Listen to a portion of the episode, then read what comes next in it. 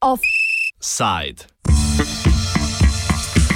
Dobičkonosna militarizacija Evrope. Transnational Institute, inštitut za alternativne politike, je objavil poročilo o koristih orožarskih podjetij, ki jih prinaša begunska kriza. Nekatera podjetja, ki prodajajo opremo in orožje za nadzorovanje evropskih meja, so ena največjih izvoznic orožja v Severno Afriko in na Bližnji vzhod, odkuder izhaja največ beguncev. Med letoma 2005 in 2014 so države članice Evropske unije izdale licence licence za prodajo orožja v te države v vrednosti več kot 82 milijard evrov. Raziskava navaja tudi, da se je proračun Evropske organizacije za varovanje meja Frontex med letoma 2005 in 2016 povečal iz 6,3 milijona evrov na 328,7 milijona evrov.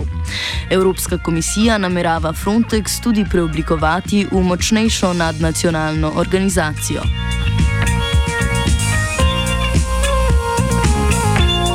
Evropske inštitucije so sledeč ugotovitvam poročila tudi pod velikim vplivom lobijev podjetij, ki proizvajajo orožje in opremo za varovanje meja.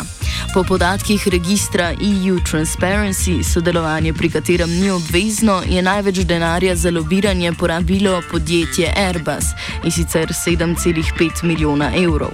Sledi The Aerospace and Defense Industries Association of Europe s 3,5 milijona evrov in še nekaj podjetij z malo več kot milijon evrov stroškov.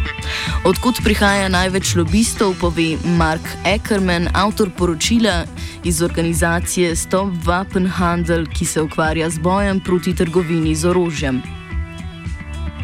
Well, the biggest lobbying for militarization of border security comes from the European uh, Organization for Security, which uh, most uh, big uh, military companies and security companies are part of, and they have uh, well, they have uh, direct contacts with high-ranking EU officials, and they uh, they have roundtables and conferences, and they write papers uh, with their ideas uh, uh, about uh, border security. And uh, well, you see a lot of the ideas that they push forward. For example, transitioning Frontex to more robust European border guard. Well, they're profiting actually on both sides of the crisis they are selling a lot of arms to the Middle East and North Africa, the uh, main regions of origin of uh, most refugees trying to come to Europe. And then again, they uh, sell to EU countries and third countries uh, to try to stop the refugees. Evropska komisija se tekom oblikovanja zakonodajnih predlogov posvetuje s strokovnimi skupinami. Člani teh skupin pa so v tem primeru večinoma osebe iz velikih orožarskih podjetij. Več Gunter Lipens iz organizacije Frede Saxi.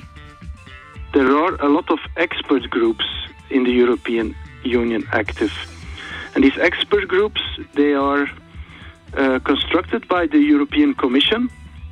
But there's not a lot of regulation about that.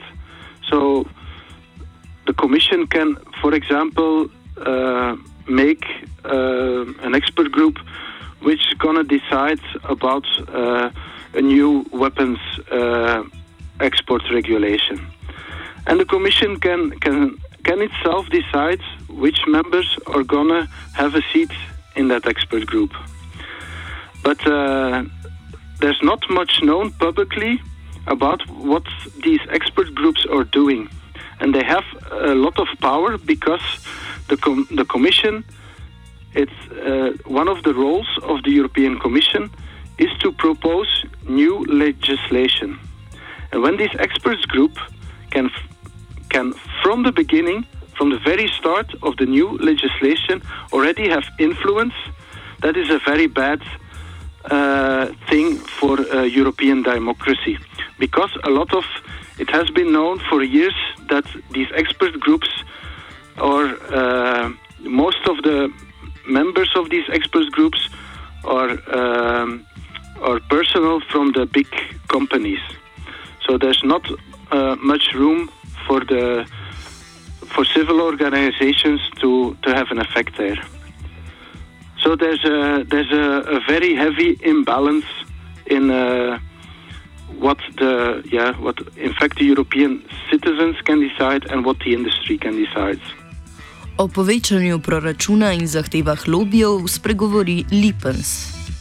Well, there's uh, nowadays also with the with the rising of of uh, refuge, refugees coming uh, from uh, the Middle East and from Africa, um, it has been there's more uh, budget allocated by the European U Union to to be involved in uh, border control, and the weapons industry is is uh, nowadays uh, lobbying to increase uh, efforts by European uh, Union, for example, in research areas.